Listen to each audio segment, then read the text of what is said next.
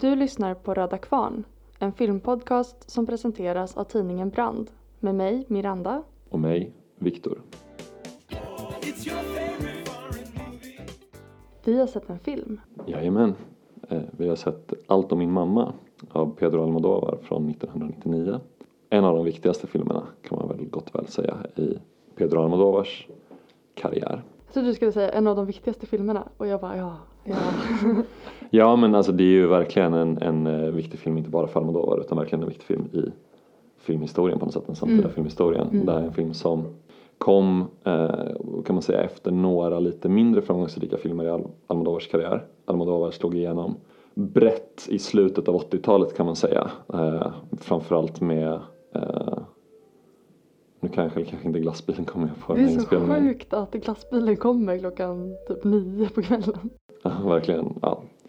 Eh, Nej men Almodovar slog igenom eh, ganska, alltså mer brett så kan man säga internationellt 1988 med Kvinnor på gränsen till nervsammanbrott. Så. Även känd som Gazpacho-filmen. Precis. Eh, också en väldigt bra film som förtjänar ett eget poddavsnitt, kanske kommer det någon dag.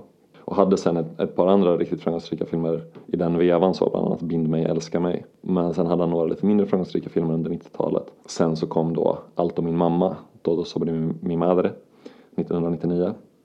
Och eh, var en supersuccé kan man väl säga, kommersiellt men också eh, ja, vann en Oscar för bästa eh, utländska film och massa priser i Spanien och Europa och, och sådär. Och också en stor succé i biostatistik och sånt där. Liksom det, här var ju, det här var ju ja, eh, en internationell jättesuccé redan när den kom. I huvudrollen så ser vi Cecilia Roth som är en argentinsk skådespelerska som också var med i eh, Almodovars andra film typ 1982. Eh, alltså så väldigt tidigt, långt innan han var känd alls så. Eh, men som här är med också då.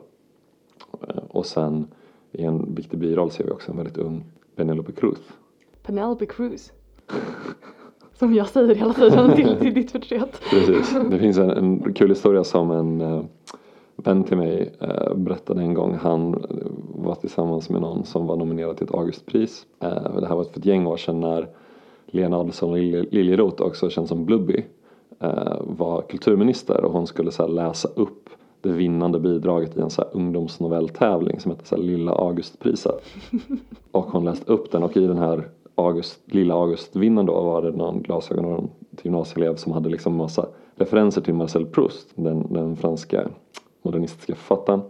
Och eh, eh, Adelsohn Liljeroth då inför hela litteratursverige på Augustgalan konsekvent säger Proust när hon, varje gång hon läser hans namn liksom. Hon vet inte vem det är liksom. Utan hon tänker att det är en amerikansk författare. Default-läget. Att Precis. tala på amerikanska. Eh, exakt som Penelope Cruz, den kända Hollywood-skådisen. Penelope Cruz, eh, det här är som sagt Det är jag, ganska det är tidig. jag och Blubby. Hon gör en, eh, hon ser ju väldigt ung ut i den här filmen kan man säga. Men hon har ju varit med i flera andra Almodovar-filmer, bland annat årets Almodovar-film Smärta och ära, Dolor y Gloria. Det här är en film med en eh, intrig som kretsar väldigt tydligt kan man säga kring den här huvudpersonen då, Manuela, som spelas av Cecilia Roth. Eh, men det finns också en rad andra bärande karaktärer och det är lite av en ensemblefilm trots allt. Med massa kvinnliga skådisar helt enkelt. Den eh, kretsar mycket kring hennes son Esteban men filmen börjar med att Esteban dör i en trafikolycka. När han jagar efter en känd skådespelerskas bil. Eh, En taxi som hon sitter i. Efter en eh, ja, föreställning som de har varit på då, han och, och Manuela. eh, På hans 17-årsdag. Han är liksom kulturkofta och så aspirerande författare. Ja, Han vill ha hennes auto- autograf. Precis. Och det här blir ju då en kris för Manuela såklart och hon reser till eh, Barcelona där hon tidigare bodde då. Eh, Men som hon flyttar ifrån får vi reda på när hon var gravid med Esteban, eh, 17 år tidigare. Och där söker hon upp, hon letar egentligen efter Estebans pappa. Han, har- han har ju sökt efter sin pappa, han skriver efter det i liksom, sin dagbok och sånt där har hon läst. Men det Esteban inte vet är att det är liksom en, en transkvinna helt enkelt. Som, eh, Som i och för sig kallar sig pappa. Precis, så det är lite Alltså det här är en film från 1999 eh, och skulle den komma idag på exakt samma sätt skulle den nog bli rätt kritiserad av transcommunityt men det här är ju verkligen en film. Det skulle ju inte komma idag. Eller liksom Precis. Almodovar gör ju inte de här filmerna på det här sättet längre liksom. Nej, men det är ju verkligen en film med eh, ett väldigt tydligt queert budskap får man ju verkligen säga. Ja, Eh, Lola då som karaktären heter säger ju att, att hon är pappa helt enkelt. Mm. Och hon har ju liksom befruktat Manuela liksom. Och det där är väl något som det finns en diskussion kring idag också liksom. Alltså kan man vara kvinna och pappa till exempel. I alla fall så hittar hon inte Lola, Manuela, när hon kommer till Barcelona. Men hon hittar dock Agrado som är en eh, andalusisk transkvinna också då. Som eh, var vän med dem. Med liksom Manuela och Lola på den tiden då, när det begav sig. Eh, men som nyligen har blivit liksom blåst av Lola. De har liksom hängt ihop ändå de här åren som ja, vänner och kamrater liksom, som Ja. jag. Eh, De är båda prostituerade. Men Lola har nyligen, får vi reda på, tagit alla pengar och stuckit. Eh, Så Agrado är, är rätt missnöjd med det. Men Manuela och Agrado börjar liksom bygga upp någon slags ny tillvaro tillsammans kan man säga. I Barcelona. Manuela flyttar dit liksom eh, och bosätter sig där. Manuela snubblar väl mer eller mindre in i en situation där aktrisen ber henne om hjälp att hitta sin flickvän. Och kollega. Precis som också är motrollen. De spelar Linje Lusta av eh, Tennessee Williams. Som också Lola, ja, innan hon kom ut som kvinna då, spelade i tillsammans med Manuela. Det var så de träffades får reda på på tidigt 80-tal. Som ni hör, det är en lite rörig intrig.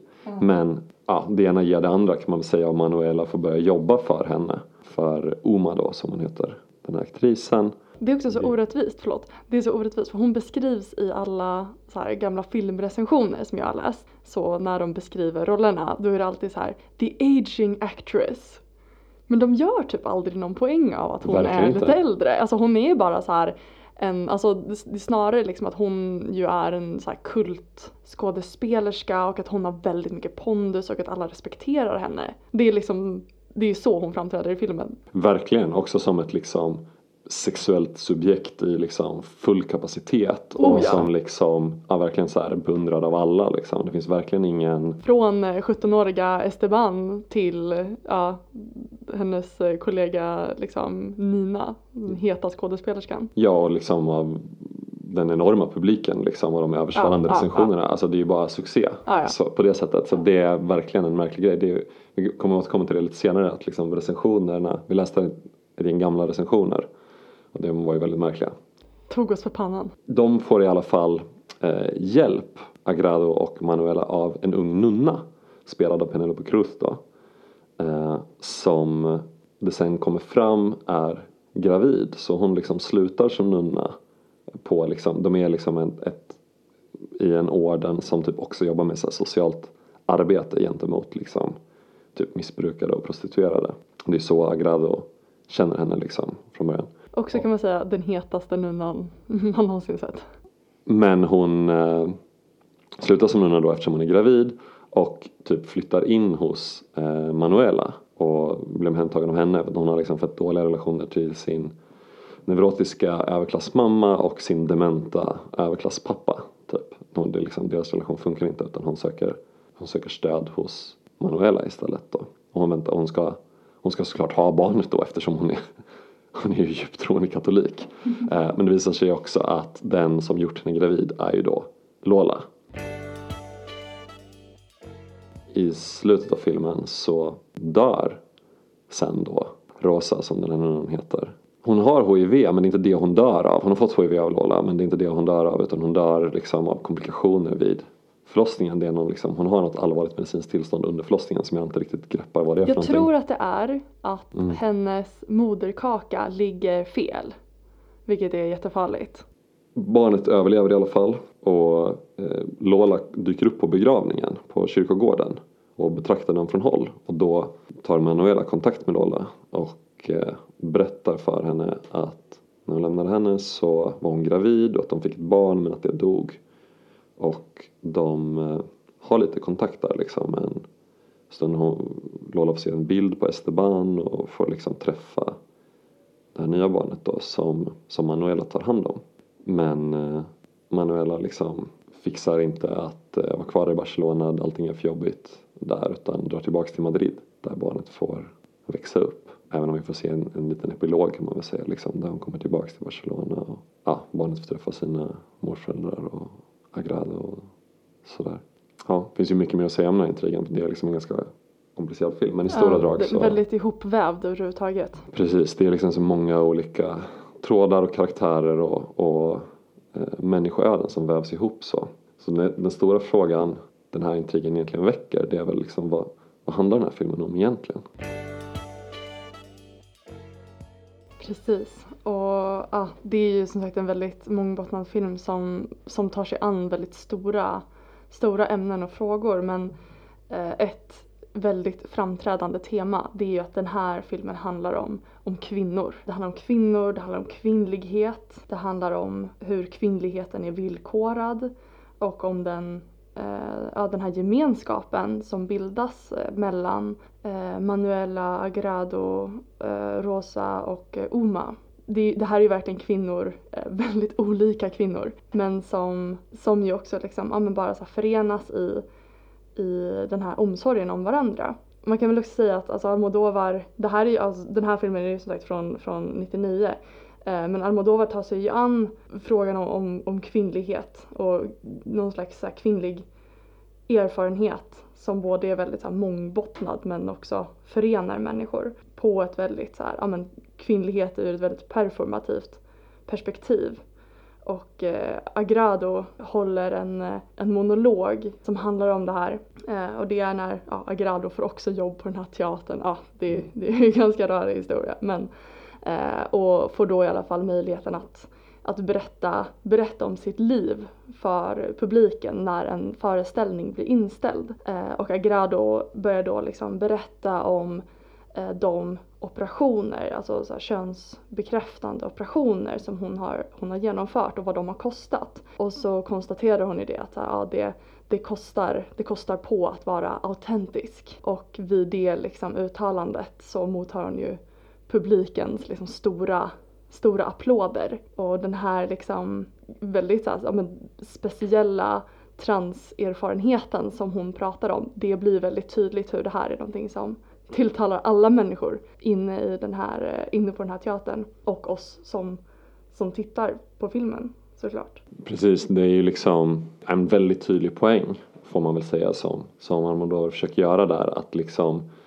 vi gör verkligen kön liksom. Det är ju verkligen performativitetsteorin liksom, precis som du, som du säger. Och det är ju någonting som alla kan känna igen sig i. Det är en mer extrem erfarenhet på ett sätt eh, som eh, Agrado har gällande att verkligen så här, betala pengar för att få in silikon i kroppen liksom.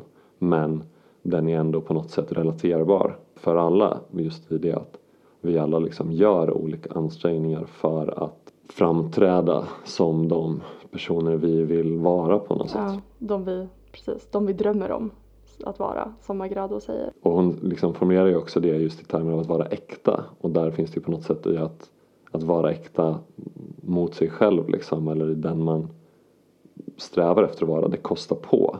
Mm. Att vara autentisk, Precis. är det hon säger. Och det här är ju någonting som alla de här kvinnorna får, får erfara.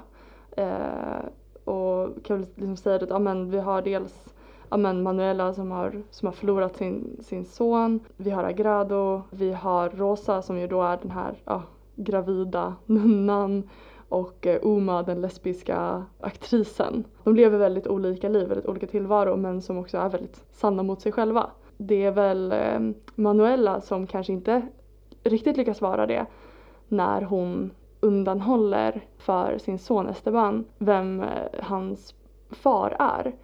Eh, och det är också någonting som Rosa gör en, gör en poäng av när hon ska genomgå kejsarsnitt. Och hon liksom vet med sig att ja, men det här är ändå en, en riskfylld operation så hon säger det till Manuela att om någonting händer mig och du tar hand om det här barnet så vill jag att inget ska döljas. Utan allt ska vara, liksom, allt ska vara sant. Och det, det är ju någonting som Manuela tar med sig. Verkligen, och man anar ju verkligen en stor ånger där som en del liksom av hennes, som en del av hennes sorg. Hon fick aldrig chansen att berätta för Esteban vem hans pappa var.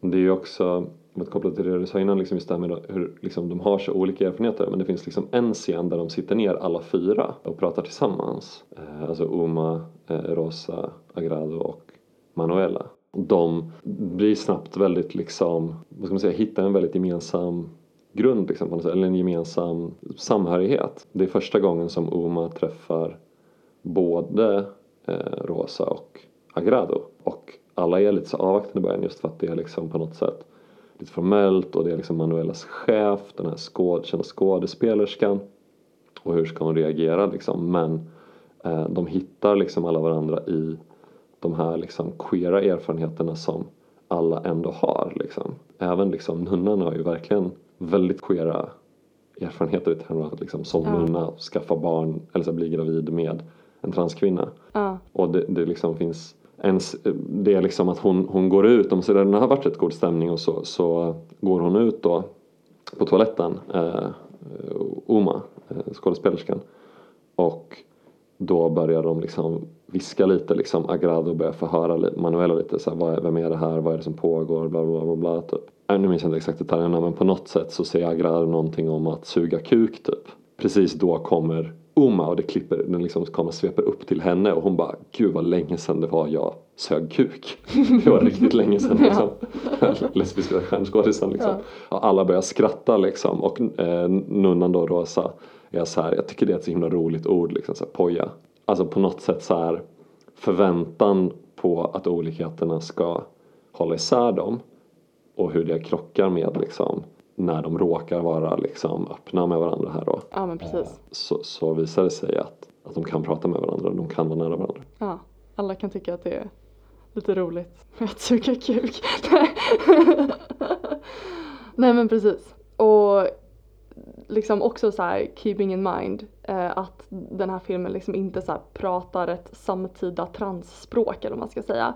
Det finns liksom i, det är liksom några slutord från Almodovar om vad, ja, vem han, vilka han tillägnar filmen. Och då, nu har jag ju tyvärr inte de orden precis framför mig men det är liksom någonting i stil med till alla kvinnor, till alla män som spelar och blir kvinnor till alla mödrar, till min mamma. Eh, och jag tänker på just det här med liksom att spela. Jag, jag tolkar väl det liksom inte som ett slags angrepp på någons autenticitet. autenticitet. Tvärtom så har vi ju liksom Agrados tal om vad det innebär att vara äkta. Men att det ju också kopplar an till ja, men, alla, alla kvinnors erfarenhet men också ja, men, eh, hur, hur vi får se att Uma använder sig av deras erfarenheter i sitt skådespeleri och liksom blir, blir en annan kvinna. Alltså det är liksom ja, att, att det handlar om kvinnlighet på det sättet helt enkelt.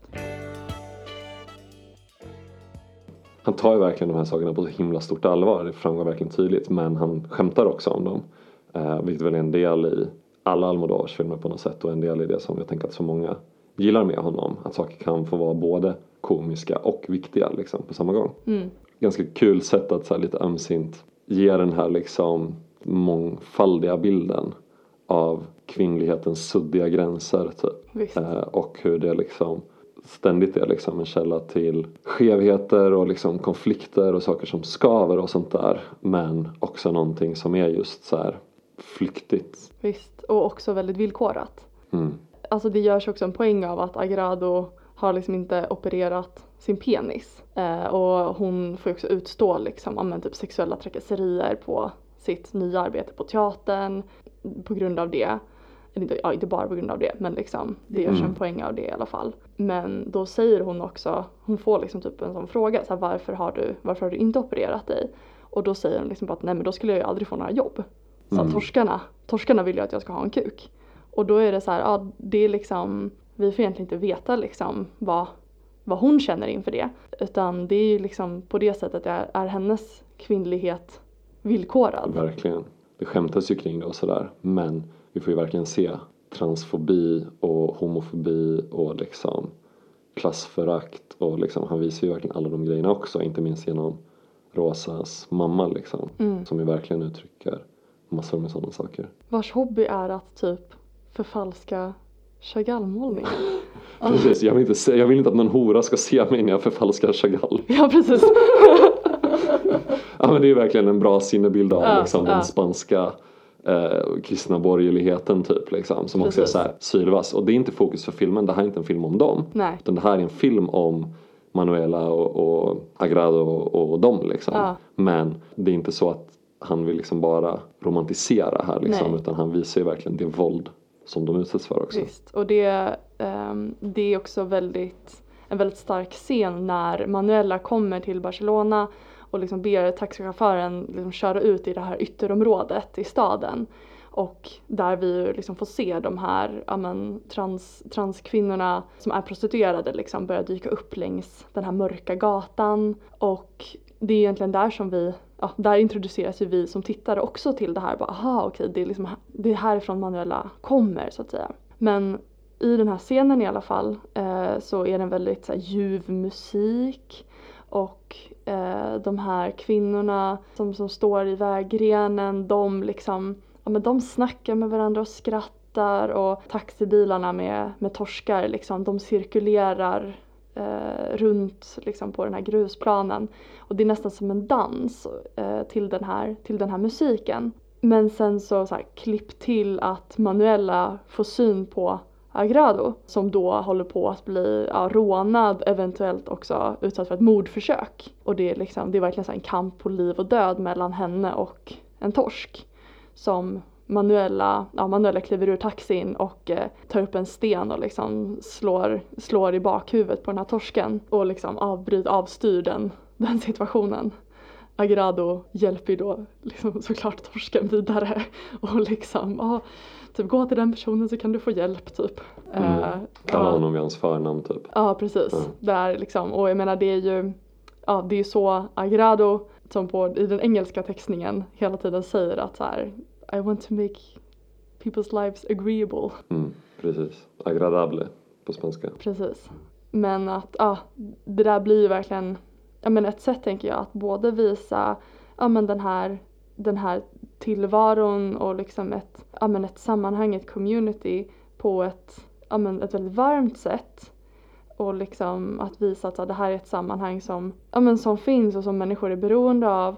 Men, ja som sagt, liksom klipp till det här fruktansvärda våldet. Det, det är ju absolut ingen, ingen romantisering. Men jag tycker att det talar väldigt mycket, alltså den scenen är väldigt talande för Almodovars sätt att visa den här tillvaron liksom i samhällets gränser så att säga. Precis och det eh, här är ju en film liksom som på många sätt handlar om eh, just liksom tillvarons gränser och att leva i, i marginalen och den kopplar ju det väldigt tydligt till spanska 80-talet och speciellt eh, erfarenheterna i, i Barcelona och Madrid då på den tiden. Pedro Almodovar själv eh, kom ju från en liten by på den kastilianska landsbygden och flyttade som ung, eh, ung bög med konstnärliga ambitioner liksom till Madrid. Jag minns, vet inte exakt vilket år han gjorde det men det var liksom skiftet där 70 till 80-tal. Och det här är ju precis vid tiden för det som kallas La Movida Madrileña,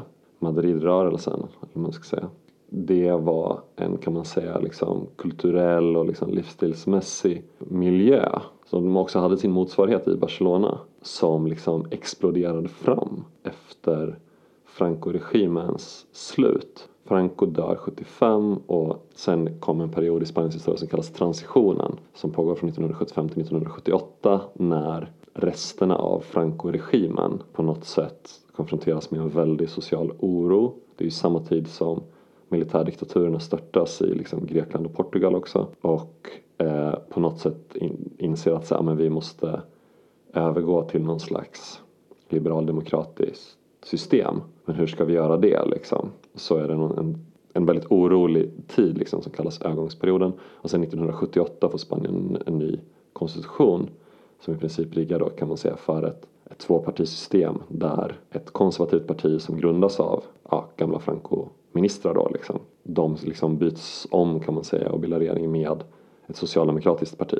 Det här är ju liksom, Spanien är ju än idag liksom ett geografiskt förstås väldigt splittrat land politiskt men Madrid eh, och Barcelona har ju även historiskt alltid varit liksom både kulturellt och politiskt väldigt progressiva städer. Såklart eh, mindre så på något sätt under Franco-tiden men det var också där mycket av motståndet mot honom fanns och såklart i på andra håll också till exempel i, i Basken där ju också ja, Francos tillträdda efterträdare blev mördad av, av ETA ett par år innan Franco dog. Men Madrid och Barcelona var ju de sista städerna som föll under inbördeskriget och sådär. Liksom. Det har ju varit de, de röda festerna kan man säga i Spanien eh, tillsammans med några andra. När den här liksom, nya demokratiska konstitutionen eh, kom på plats 78 så väljs snabbt en liksom, väldigt progressiv borgmästare i Madrid och eh, det blir liksom den här kulturella explosionen som inte minst är liksom att hela 70-talets homosexuella frigörelse i resten av Europa kommer på ett år liksom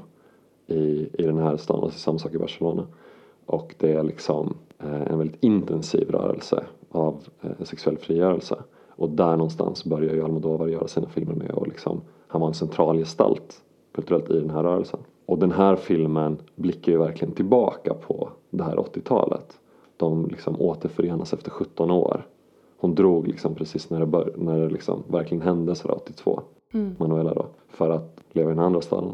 Och det var ju liksom en rörelse som verkligen gav plats eh, för de här människorna att leva på ett sätt som man inte kunde göra tidigare. Och det tittas tillbaks på på ett väldigt vackert sätt liksom, i den här filmen och verkligen romantiseras. Men det är också mycket en film av de liksom eh, svåra konsekvenserna av att eh, leva på det sätt man gjorde då och det, allt det våld de trots allt ändå utsattes för. Eh, och i synnerhet så är det ju fokus kan man säga på heroinet och på HIV som ju verkligen var saker som tog knäcken på väldigt många som vara med i det här, inte minst vet vi idag liksom nära anhöriga till Almodovar själv. Eh, och det är ju också någonting som verkligen skildras i den här filmen.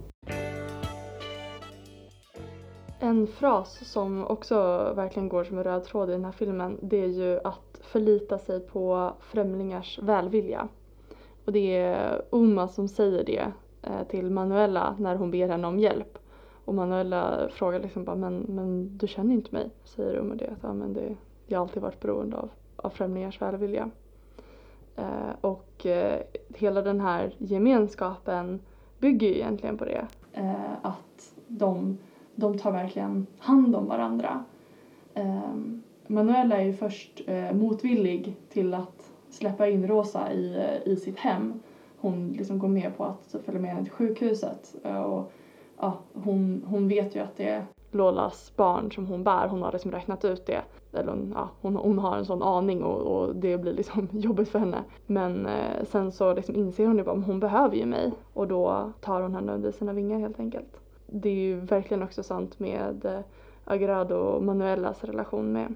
Men man kan också säga att, att det motsatta också är ett tema i filmen. Det handlar liksom om både vad vi kan göra för varandra men också vad vi kan göra mot varandra. Och då tänker jag framförallt på Lola, den frånvarande fadern som ju finns med som ett, alltså är väldigt närvarande, hon är väldigt närvarande i hela filmen. Redan från början när Esteban börjar fråga om sin pappa. Ja, hon är liksom bara som ett, som ett spöke som har påverkat alla de här människornas liv på ett eller annat sätt. Och hon har förvisso typ gett, gett liksom varit med och skapat de här barnen eh, men eh, sprider ju också sorg och smärta och sjukdom. Precis, och på det sättet kan man ju i ljuset av det här om La Movida liksom så, så kan man ju verkligen se, tänka på Agrado på ett sätt som en metafor för allt det som var så himla fint med den rörelsen och den tiden och den miljön och liksom just den här liksom omsorgen om varandra och liksom humorn och det liksom kärleksfulla, nära och liksom sådär. Mm. Eh, medans Lola på något sätt blir en metafor för de destruktiva sidorna i den rörelsen mm. och hur folk gick under och, och speciellt då liksom för, ja, som sagt heroinet och mm. eh, HIV. Mm. Det är ju på något sätt en film där det här liksom, vad ska man säga, vackra och vänliga ändå på något sätt verkligen har, har övertaget trots att det är en sån, på ett sätt en sån tragedi.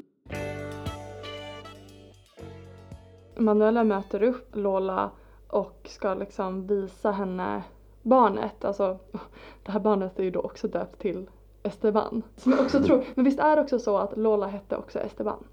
Precis, det, är liksom, det, är liksom, det var det liksom- namnet Manuela lärde känna Lola under. Exakt. Så att uh, nu är det liksom uh, Esteban nummer tre här som Lola introduceras för.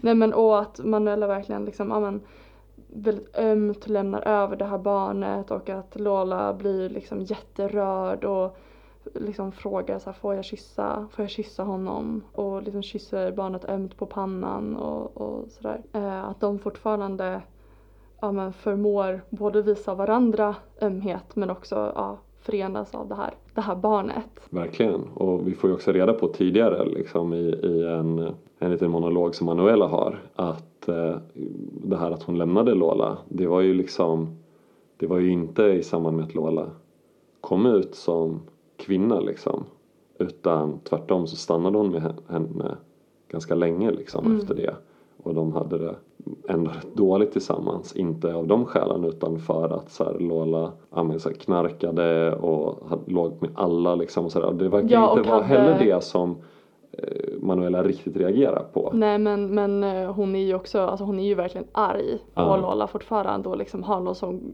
ja men kommentarer så här. Hur kan någon med så stora pattar ha en sån macho-attityd? Uh. För att så här, ja men Lola, ja precis, jobbar som bartender, flörtar med alla, ligger med alla och serverar drinkar i bikini men är liksom superkontrollerande vad det gäller Manuela och vad mm. hon liksom, ja men får göra och vad hon får ha på sig. Precis som säger vid ett tillfälle att så här, Lola hade liksom, det, hon har det sämsta hos kvinnor och det sämsta hos män mm. i en enda person. Mm. Lola och Agrado är ju verkligen liksom, vad ska man säga, kontraster på det sättet liksom. Mm. Som, som ställs mot varandra, det här radarparet och där Agrado just har blivit lämnad av Lola som sagt. Och det på något sätt öppnar ju också upp för Agrado att få ett annat liv liksom. Hon kommer ur prostitutionen och hon är ju verkligen den som liksom på något sätt får det bättre typ genom den här filmen. Alltså Rosa dör ju. Uma har liksom sju sorger och åtta bedrövelser med sin eh, heroinbundande flickvän så här. Manuela, ja, det är ju lite fint i slutet då det här med Esteban men hela premissen för filmen är ju att hon försöker gå vidare efter att hennes 17-åriga son dör plötsligt liksom mm. inför hennes ögon typ i en mm. våldsam olycka. Alltså det är ju liksom, ja det är ju verkligen inte en, en film där det går så bra för, för folk med möjligen undantaget då av Agrado som det kanske inte har gått så bra för tidigare nödvändigtvis men som på något sätt trots allt det bevarar sina fina sidor. Jag tänker att det här ehm, eh, alltså temat att, att, vara, att vara beroende av andra människor och främlingars välvilja det finns ju också med när Almodovar diskuterar organdonation. Manuela eh, jobbar ju som sjuksköterska och är också med i något slags liksom, träningsprogram där hon eh, är med och utbildar vårdpersonal och läkare för att ha sådana samtal med patienters anhöriga eller ja, avlidna patienters anhöriga för att, eh, ja, att de helt enkelt ska godkänna organdonation. Och eh, vi får också se henne in action i ett sånt liksom, rollspel och, och det är liksom väldigt tid, tidigt i filmen och då får vi också se att hon är en fantastisk skådespelerska. um, Men eh, sen så tvingas ju Manuela, hon, hon tvingas ju stå inför det beslutet själv sen när Esteban blir, blir påkörd. Och eh, ja, de säger det liksom att ja, men, han har ingen hjärnaktivitet längre men han skulle kunna donera sitt hjärta. Och hon godkänner också det. Och sen så söker hon upp den patienten som får Estebans hjärta och bara liksom står utanför sjukhuset när han skrivs ut och betraktar den familjen och är liksom förkrossad men ville ju ändå se någonstans att så här, ah, jag vet inte, hitta någon slags mening i det eller liksom jag vet inte, jag, jag vet inte om hon själv vet vad hon är ute efter när hon gör det men det är liksom, ja ah, det är väl någonstans att se liksom, hitta någon slags mening i den liksom väldigt eh, sorgefyllda tillvaron. Precis, det är ju verkligen en, en stark metafor där i början liksom av hur hur vi människor verkligen är beroende av varandra liksom. Och beroende av så mycket på något sätt eh, runt omkring oss för, för våra liv liksom. Mm. Det hela, men inte bara liksom för våra så nära och kära utan Nej. vi är verkligen beroende av främlingar. Precis. Och filmen öppnar liksom med så här en superinzoomad liksom sveppanorering över typ ja, droppåsar och EKG och sådär som är inkopplat i en annan patient då som eh, Manuela jobbar med där precis mm. i början.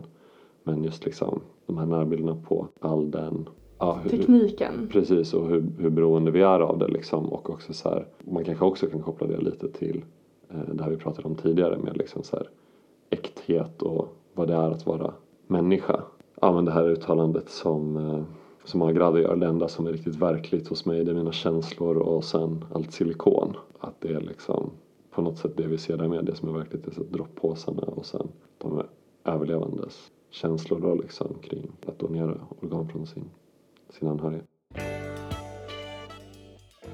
Men jag tänker också på det här med ja, att vara beroende av främlingars godhet. En ytterligare liksom bild av det på något sätt är ju Rosa eh, och liksom den här allt överväldigande godheten hos henne liksom. Hon är verkligen den här lilla överklassflickan som ska rädda världen på något sätt liksom och bli nunna och jobbar på en så här klinik för, eller liksom mottagning för samhällets absolut mest utsatta liksom på något sätt. Hur hon ändå inte kan fortsätta med det där livet på något sätt. Eh, när hon, hon själv ju, drabbas. Precis och hon blir ju Alltså både i bemärkelse som fysiskt, att hon blir ju förförd och förgjord av mm. Lola. Hon kan ju liksom inte hantera henne. Men precis, hon, hon tvingas ju också ge upp sitt liv som nunna och liksom lämna den nunnåren när hon blir gravid. Och hon hamnar ju där får vi en aning om också via liksom det otroliga brist på stöd och kärlek och närhet ja, hon har i sitt hem. hemifrån. Mm. Utan där hon, det är ju liksom en miserabel social miljö för henne liksom på något sätt. Man får den här känslan liksom att hon på något sätt är så fokuserad på alla andras behov utifrån att det finns en känsla av att ingen kan möta hennes och sen så plötsligt får hon de här behoven precis då när hon träffar Manuela och, och Agrado och på något sätt blir beroende av deras välvillighet. Men när hon då får den så får ju faktiskt hennes liv trots liksom den här katastrofala graviditeten och eh, HIVn och liksom hela hennes gamla tillvaro slås i spillror. Men på något sätt så ser vi henne ändå lyckligare än någonsin där i slutet när mm. är hemma hos, hos Manuela tillsammans med Agrado och eh, Uma. Att på något sätt var det när hon kom ifrån liksom de, de eh, välkändas ovänlighet och, och kunde liksom hitta några främlingars välvilja som hon på något sätt fick någonting fint i sitt liv också. Mm, precis. Och man kan ju också liksom tolka det på något sätt som att när hon dör så ja, då har hon ju ändå fött det här barnet som ju blir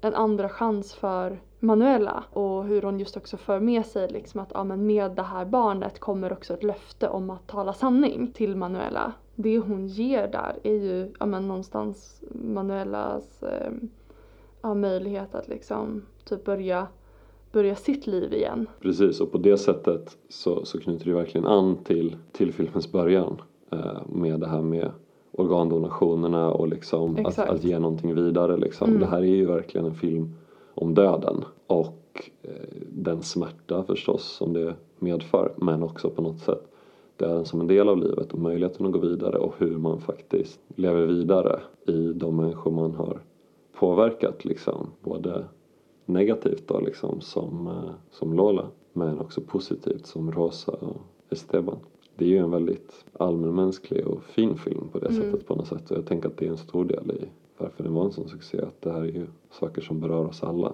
Visst. Även om den skildrar som sagt personer i samhällets marginal så just i, i termer av deras queerhet så är det ju ändå verkligen en film om stora allmänmänskliga frågor mm. som är ganska hoppingivande på det sättet. Almodovar tror verkligen på människan någonstans.